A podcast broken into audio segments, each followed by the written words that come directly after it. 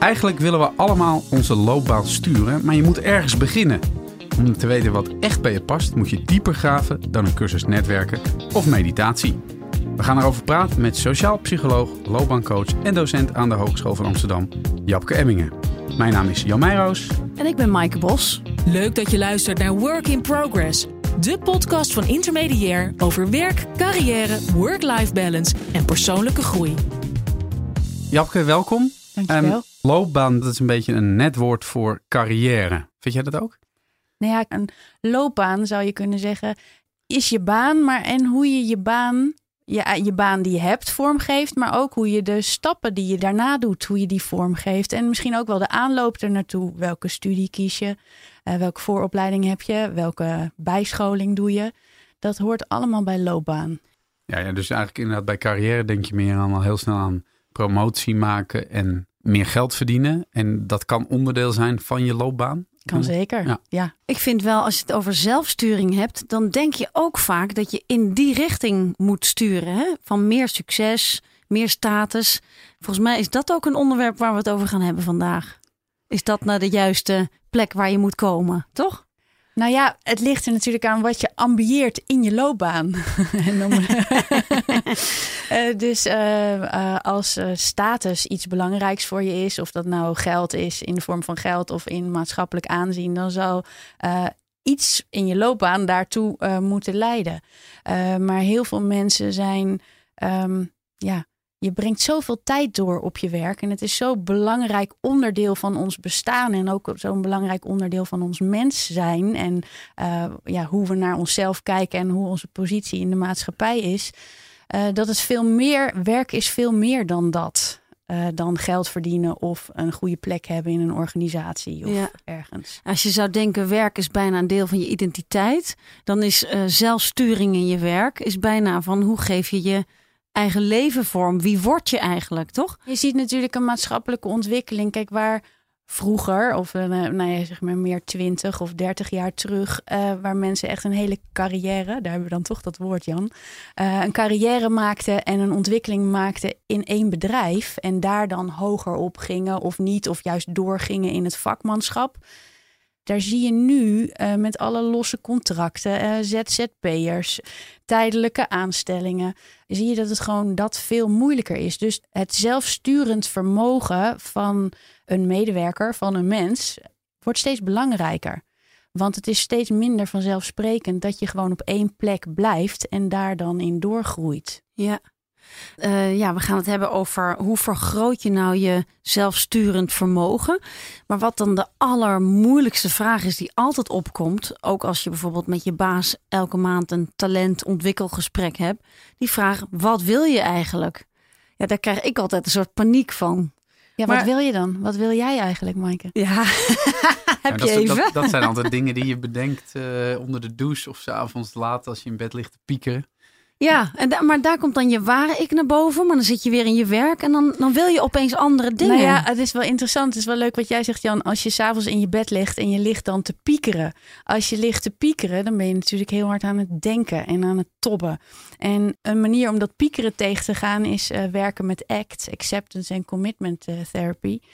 En uh, wat, want je zegt de moeilijkste vraag is weten wat, men, wat je nou echt wil. Ja. Maar het mooie is natuurlijk wel als je het wil hebben over loopbaan en loopbaanvormgeving, dan moet je die vraag wel stellen. Dan is het belangrijk voor je ja, als individu om te weten wat is nu voor mij echt belangrijk? Wat doet er nou toe? En welke waarden zijn er voor mij belangrijk? En hoe zie ik die dan tot uiting komen in mijn werk? Ja, en nou, daar lig je dan misschien s'nachts over te piekeren. Of die dan tot uiting komen. Nou, ik vind de, wat wil je is heel ingewikkeld. Hè? Want mensen hebben van die modebegrippen. Van ik wil graag flexibiliteit in mijn werk. Ik wil graag een goede werk-privé-balans. Ik wil doorgroeimogelijkheden. Maar dekt dat nou de lading of zit er nog een laagje onder? Waar moet je nou beginnen met dit hele Met dit zoeken? hele verhaal. Ja. Nou ja, er is natuurlijk de um, hele triviale en welbekende metafoor voor de mens, waar veel uh, loopbaancoaches mee werken, uh, is de, de metafoor van de ijsberg. Dus helemaal diep onder in die ijsberg heb je dan de drijfveren, wat mensen willen en wat ze echt beweegt of wat ze echt belangrijk vinden in het leven. dan net zo onder de oppervlakte van die enorme ijsberg heb je dan het denken. En daar zitten dan alle opvattingen. Ja, ik wil dit wel, maar ik kan dit niet. Ik ben er niet goed genoeg voor. Ik ben toch niet leuk genoeg of niet slim genoeg. Of wat we allemaal wel niet over onszelf denken. En dan daarboven, net boven jij, zien we ons gedrag. En dan zien we dan hoe we functioneren in het werk. Wat voor werk we daadwerkelijk doen. Uh, en eigenlijk ben je als loopbaancoach op zoek naar: hey, waar blokkeert het nou? Als mensen vastlopen in hun loopbaan of, uh, um, of een beetje vast en een nieuwe richting of wending of het willen bijsturen, dan betekent het dat het ergens blokkeert. Dus uh, stel, ik ben docent. Uh, dat ben ik ook echt. Dus mijn gedrag. ja, ja, mijn, dus mijn intro klopte. Je intro klopte. Maar uh, mijn gedrag is, als ik voor de klas sta, dan zien studenten dat ik, dat is het gedrag wat ik doe. Dat ik les geef, training geef, et cetera. Mijn gedachte daarbij is van, hé, hey, ik, dan kom je bij mijn opvattingen, dat ik dat ook belangrijk vind. Dat ik het belangrijk vind dat nou ja, mensen hun potentie benutten, in hun kracht komen en dat ze een goede vakmensen worden. En uh, daaronder waarde. Ik vind het ook belangrijk om iets moois bij te dragen aan de samenleving. Of ik geloof erin dat als we, nou, als je goed contact hebt met elkaar, dat, het, uh, dat de wereld een beetje mooier wordt. En zo klopt die bij mij, zeg maar. Maar soms kan het zijn dat je wel weet van ja, ik wil dat wel. Ik wil wel heel graag uh, ontwerper worden van iets. Maar ja, niemand in mijn familie is ontwerper. Uh, en dat zijn allemaal, ik kom uit een, uh, een fictief, hè, maar ik kom uit een situatie met allemaal artsgezinnen of allemaal medisch. Dus is het wel voor mij weggelegd dat ik überhaupt iets creatiefs ga doen.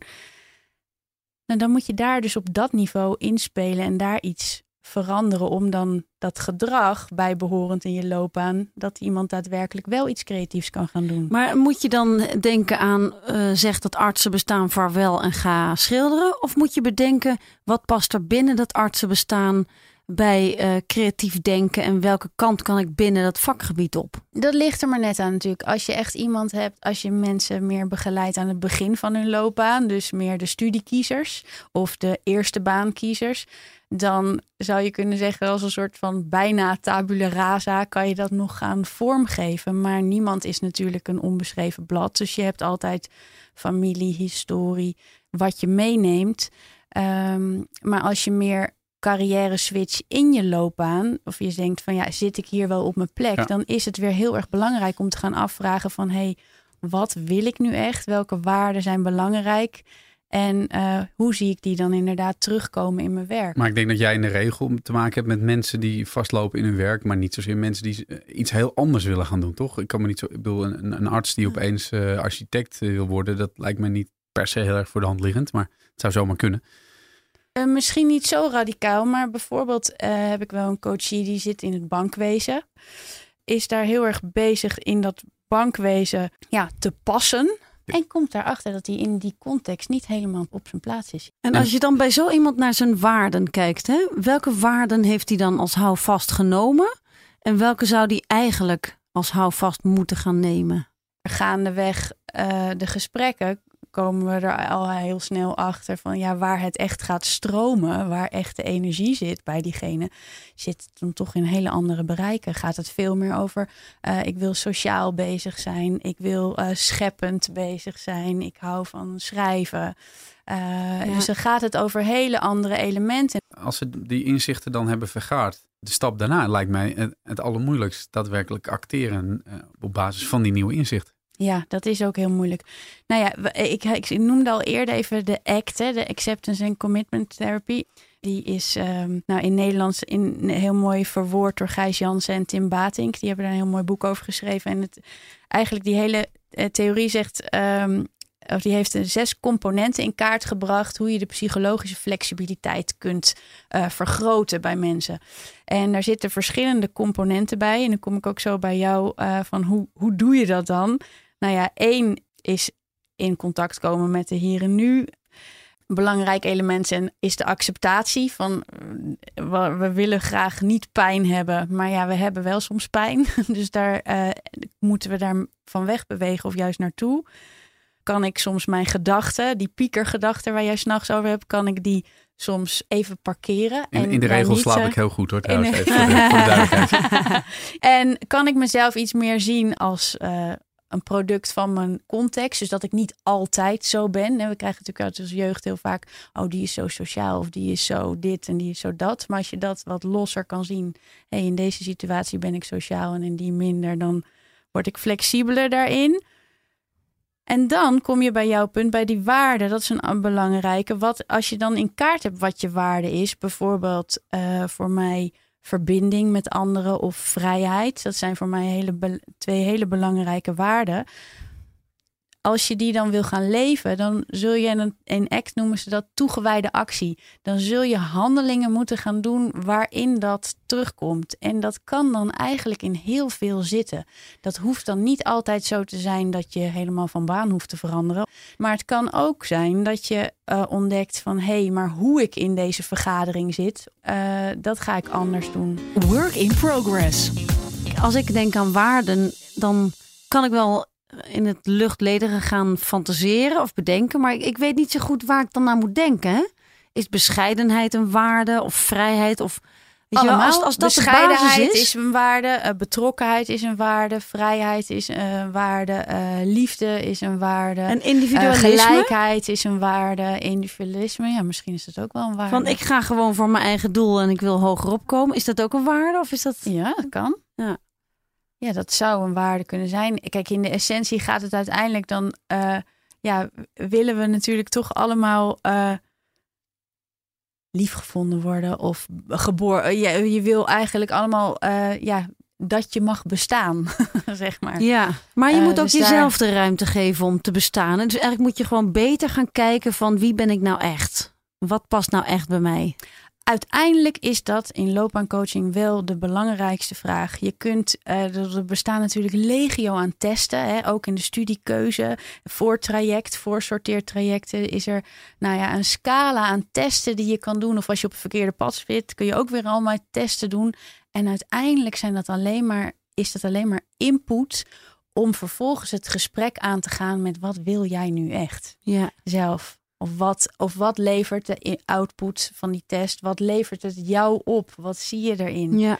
Dus een goed waardeonderzoek geeft je wel een heel stevig kompas op waar jij moet zijn in je loopbaan. En hoe jij grip krijgt om je loopbaan vorm te geven. En Ja. ik denk dus dat het ook steeds belangrijker wordt dat mensen daarin eh, ja, begeleiding krijgen of begeleiding kunnen krijgen omdat het niet meer vanzelf is en omdat het niet meer zo is van hey, de baas zegt, nou ik zie daar wat goeds in je. Eh, ik, ik zou je wel graag op die plek willen. Je pleit eigenlijk voor een soort persoon binnen een organisatie die iedereen eh, in ieder geval op de mogelijkheden van loopbaancoaching wijst. Nou ja, dat is natuurlijk ook in heel veel, in heel veel organisaties is het zo. De HRM-afdelingen zijn natuurlijk eh, goed vertegenwoordigd. En ook eh, Nederland heeft geen gebrek aan loopbaancoaches en loopbaanbegeleiders. Maar je ziet die rol eh, toenemen, dat het steeds belangrijker wo- wordt. Ook in het onderwijs is er veel aandacht voor de studie loopbaanbegeleiding. Dat begint al eh, ja, op de middelbare school. Want daar worden al die eerste keuzes gemaakt. Terug naar de baan van de dag, zeg ik dan Ja. maar. Dus je bent gewoon, ik noem maar wat, je bent eh, e-mailmarketeer en je bent, werkt gewoon hard. En je hebt allemaal to-do-lijstjes je bent gewoon blij als je je werk goed uitvoert. En dan is er ook nog eens iemand die zegt van, hoe is het met je loopbaantraject? Ik denk dat er, kijk, als diegene die jij nu schetst in de waan van de dag helemaal happy is, dan is er natuurlijk helemaal niks aan de hand. Ik bedoel, dan, ja, heerlijk. Dan Ja. is iemand, en dan wordt er ook wel gesproken over, dan zit iemand misschien wel helemaal lekker in een flow. Ja. Hè? Dus dan is het ook gewoon de energie van het werken. Ik doe wat ik wil en ik denk en ik ben ervan overtuigd dat ik de capaciteit en de mogelijkheden heb en ik doe het. Nou, gestroomlijnder kan je het niet krijgen. Maar de vraag dient zich natuurlijk aan dat deze marketeer zich op een gegeven moment misschien, als dat gebeurt, zich afvraagt: hmm, gaat het hier echt over? Of hé, hey, ik merk eigenlijk dat ik gewoon helemaal uitgeput begin te raken. Ja, of ik Eh, doe al drie jaar hetzelfde. ja, en vind ik het begin, nog wel leuk. En ik begin me te vervelen of iets dergelijks. Ja, dat kan. En dan, eh, dan is het ontzettend handig als deze marketeer weet: hé, hey, maar dit vind ik echt belangrijk voor mij. hey, en hoe zie ik dat terug in mijn baan? Of, eh, of misschien in capaciteiten. hey, ik merk dat ik dit en dit wel kan, maar om dit te kunnen doen wat ik wil, moet ik nog misschien die opleiding erbij of die scholing erbij of een andere werkervaring. Of, eh, en, zo kan je, en zo kan je het zelf bijsturen. Work in progress. Ik denk dat angst om tegen je meerdere uh, in te gaan, dat dat wel vaak speelt op de werkvloer. Dat dat dingen zijn die we vermijden. Ja. En dan te lang meegaan met iets wat, wat ons klein houdt of wat ons uh, ja, ondergeschikt houdt. Ja, en de kunst is dus accepteren of in elk geval naar die pijn toe bewegen. En dat is natuurlijk helemaal niet makkelijk. Want dat gaat natuurlijk, en eh, zeker als het gaat over dingen als faalangst, dan, word je, ja, dan voel je die onzekerheid. Maar vaak hebben mensen meer last van het lijden aan de. Nou, het zijn natuurlijk ook oude tegeltjes wijsheden. Ja, men lijdt het meest van het lijden dat men vreest. Ja, dat, dat is in wezen dit. Ja. Uh, dus als je naar de pijn toe beweegt, dan wordt het uiteindelijk behapbaarder. Want dan wordt het uiteindelijk gewoon de pijn die het is. hey, ik ben onzeker daarover. En dan kan je vanuit daar verder. Dan, wordt het een soort van, uh, van alle ruis wordt het ontdaan. En dat is waar uh, ACT ook toe uitnodigt. Of eigenlijk zo van, hey, doe eens even net iets anders dan dat je het gewend bent. En dat hoeven geen grote nieuwe dingen te doen. Maar als je elke ochtend datzelfde bordje muesli eet, hè, neem eens een stuk fruit of iets dergelijks. Of eet een boterham. Ik bedoel, het kan soms in hele andere uh, dingen zitten. Dat is wel leuk dat je dat zegt, want ik las ergens eet, dat je... Uh, altijd ochtends muesli. Ja, en fruit, allebei. Maar er stond ook van stop eens met vechten en uh, ga eens met de stroom meebewegen. Maar dat betekent dus niet dat je nooit meer uit je comfortzone moet stappen. Nee, ik nodig juist uit om uit de comfortzone te stappen om om het dus aan te gaan. Eigenlijk is weglopen van de pijn, dat is proberen in je comfortzone te blijven, zou je kunnen zeggen. Ja. Dat lijkt het gemakkelijkst. Uiteindelijk is dat het niet. Dus als je dan uh, moet gaan bedenken van waar kan je nou vandaag nog mee beginnen? Ik vind dat naar die pijn toe bewegen, dat, dat klinkt heel mooi. Maar als ik dan dat echt concreet vertaal, moet nou ja, je dan het eerste angst nou, bedenken? Waar je vandaag, als ik denk naar de luisteraar, aan de luisteraar, waar die vandaag mee zou kunnen beginnen, is gewoon je afvragen: hey, wat is nou, e wat zijn nou echt belangrijke waarden voor mij? Uh, en dat zijn le leuke opdrachtjes om daarover na te denken. Is bijvoorbeeld, wat zou je doen als je een miljoen wint? Oh, heerlijk. Dan, uh, ja, dat is heerlijk. Ja. Ja. Maar, maar dan, dan, roepen eerst mensen allemaal, nou, dan gaan ze eerst gaan ze een uh, groot huis bouwen. Nou, dat gaat natuurlijk dan over veiligheid of over zekerheid of over. Hè? Dus dat zijn dan eigenlijk de waarden in. Of ze gaan reizen. Nou, dat gaat natuurlijk over vrijheid. Avontuur. Of avontuur. Uh, en dus staar je als je zo'n oefening maakt dan niet blind op van um, uh, de materiële kant van het geheel, maar onderzoek dan, hey, als je wat, ja, wat ga je dan doen? hey, waar staat dat huis wat je gaat bouwen? Waar staat dat dan voor? Wie wonen daar dan in? Met wie deel je dat dan en waarom? En dan kom je bij die waarden. Andere manier, die is iets minder vrolijk, maar dan kom je er ook wel snel achter, achter die waarden, is te bedenken, wat zou, wat zou je willen dat mensen over je zeggen bij je begrafenis?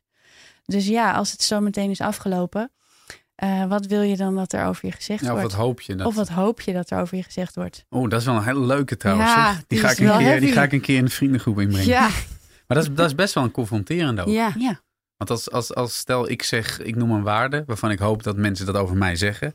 En mijn directe omgeving kijkt mij met grote uh, breedbruine ogen aan en zo van, huh? Dan, dan heb je natuurlijk wel een hele leuke discussie. ja, mijn vraag zou dan zijn aan jou, stel dat er een he, uh, Of he, hoezo, uh, ja. hoe, hoe, hoezo uitkomt, dan, dan ben, word ik meteen nieuwsgierig, denk ik, Jan, leef je die waarde?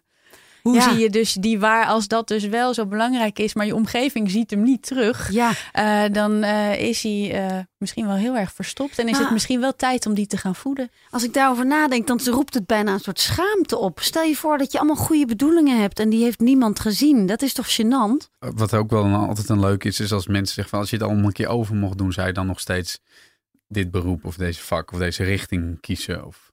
En dan sommige mensen zeggen ja en andere mensen zouden iets heel Ja. anders gaan doen. Daar liggen natuurlijk ook weer waarden aan ten grondslag. Ja, Ja, ja precies. En, dan, en, en, en het is dan inderdaad een interessante vraag. Wat houdt iemand dan tegen om, als hij dat eigenlijk iets heel anders zou willen gaan doen, Uh, ja, wat houdt diegene dan tegen? Maar kun je, Ja. deze, kun je deze, die, die vragen die we dan net even zo heel quasi nonchalant uit onze mouw hebben geschud, kun je die ook echt eh, meteen vertalen naar de werkvloer? Dat als mensen nadenken over hun loopbaan en, en in hoeverre ze daar zelf richting aan kunnen geven, zou je ook voor jezelf die, dat kunnen vertalen op, op je Ja. dagelijks handen? Nou, ik heb bijvoorbeeld wel eens iemand die eh, heeft als echt als een grote waarde en bijna als een deugd, maar eh, eh, bescheidenheid. Dus dat is zo. dit- Bij deze persoon was dat echt een hele belangrijke levensprincipe. Maar die liep op zijn werk wel helemaal vast met. Niet je mond open doen bij een vergadering. Hè? Je niet uitspreken. Eigenlijk het gevoel hebben dat er de hele tijd niet naar je geluisterd wordt. Of over je heen gelopen wordt. Of... En dat, werkt, dat was grote frustratie. Maar niet de frustratie die bekend was in het werk. Maar wel in de werkvreugde van deze persoon. Dus nog niet speciaal bij de taken. Maar gewoon hoe dat werd uitgevoerd. En dan is het interessant om te gaan kijken, onderzoeken van... hey, wat betekent dan bescheidenheid voor jou? Nou, bescheidenheid bij deze persoon was dat vroeger in huis was geleerd. Bescheiden is dat je iemand anders altijd laat uitpraten. Dat je niet door iemand heen praat en altijd beleefd bent. Maar ja, als je in een, in een projectgroep zit of als je mensen soms verder wil helpen, wat- in wat deze persoon in, in haar baan wilde. Ja, dan moet je misschien iemand ook iets teruggeven. Dan moet je soms ook je mening kunnen geven. Dan moet je soms ook een gesprek durven samenvatten. En kan dat gepaard gaan terwijl je wel nog voldoet aan je waarde van bescheidenheid?